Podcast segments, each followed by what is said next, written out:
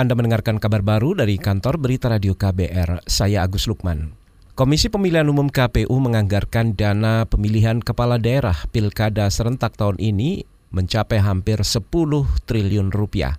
Ketua KPU Arief Budiman mengatakan anggaran itu untuk membiayai kontestasi pemilihan gubernur, wakil gubernur, dan bupati wali kota di 9 provinsi dan 224 kabupaten dan 37 kota, termasuk biaya untuk logistik pilkada serentak. Perlu menjadi bahan peningkatan kualitas Misalnya logistik, tadi saya sampaikan, kalau kemarin kita hanya memasukkan 11 item di e-katalog, di 2020 target kita 14 item. Itu kita dorong. Yang kedua, beban kerja yang kemarin berat ya di pemilu 2019 kita usulkan dan sedang ongoing proses kita kerjakan itu untuk penggunaan rekap elektronik. Itu tadi saudara Ketua Komisi Pemilihan Umum KPU Pusat Arief Budiman. Menjelang pelaksanaan pilkada serentak tahun ini, Arief Budiman mengatakan KPU sudah menyusun rencana proses produksi dan distribusi logistik pilkada yang disesuaikan dengan tahapan lain, misalnya tahapan penetapan pasangan calon dan penetapan daftar pemilih tetap. Kita ke Senayan, saudara DPR resmi melantik dua anggota pergantian antar waktu dalam rapat sidang paripurna hari ini. Pergantian antar waktu itu menggantikan dua anggota DPR periode sebelumnya yang maksud kami periode ini yang kemudian diangkat menjadi menteri yaitu Edi Prabowo yang menjadi Menteri Kelautan dan Perikanan serta Zainuddin Amali yang menjadi Menteri Pemuda dan Olahraga.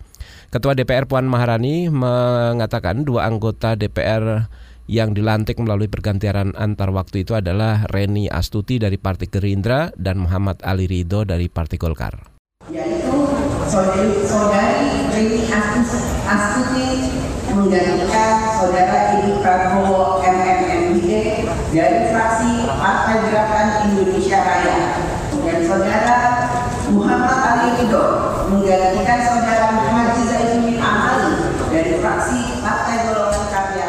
Saudara selain melantik dua anggota DPR melalui pergantian antar waktu, rapat paripurna DPR hari ini juga menetapkan 50 program legislasi nasional. Maksud kami 50 rancangan undang-undang yang masuk program legislasi nasional atau prolegnas prioritas tahun 2020.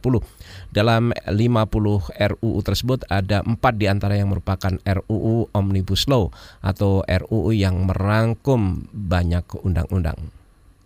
Kita menuju ke Jawa Timur, saudara. Seorang ketua RW 03 di Kelurahan Bangkingan, Surabaya, Jawa Timur bernama Paran menyatakan penyesalannya karena menuliskan kata pribumi dan non-pribumi dalam aturan penarikan sumbangan warga. Paran menyatakan penyesalannya dan mencabut peraturan itu dan ia pun mengajak warga berembuk bersama untuk menetapkan aturan baru. Pak setelah dicabut itu untuk uh, kan yang dicabut itu non pribumi dan pribumi atau semua aturan itu? Sementara semua dibatalkan semuanya. Nanti kita rembuk lagi lah hmm. uh, solusi uh, gimana yang sekiranya rembuk lagi sama apa Ketua RW 03 di Kelurahan Bangkingan, Surabaya, Jawa Timur, Paran mengatakan ia tidak menyangka penulisan kata pribumi dan non-pribumi di dalam peraturan pungutan sumbangan itu menyebabkan keresahan warga dan viral di media sosial. Ia mengaku hanya menyalin aturan sebelumnya. Meski begitu, ia meminta maaf dan berjanji tidak akan menggunakan kata pribumi atau non-pribumi lagi untuk aturan penarikan sumbangan warga. Kita ke Kalimantan Utara, saudara Kejaksaan Negeri Nunukan menemukan desa di daerahnya yang tidak berpenghuni. Temuan itu diperoleh ketika melakukan pemantauan realisasi dana desa tahun anggaran 2019. Kepala Kejaksaan Negeri Nunukan Fitri Zulfahmi mengatakan desa yang tidak berpenghuni itu punya kepala desa berikut, berikut perangkat desa dan permukiman warga. Keberadaan desa tidak berpenghuni ini ada di Kecamatan Lumbis Ogong, Lumbis Pansiangan, dan Lumbis Hulu. Lokasi ketiga desa ini berada di tapal batas negara.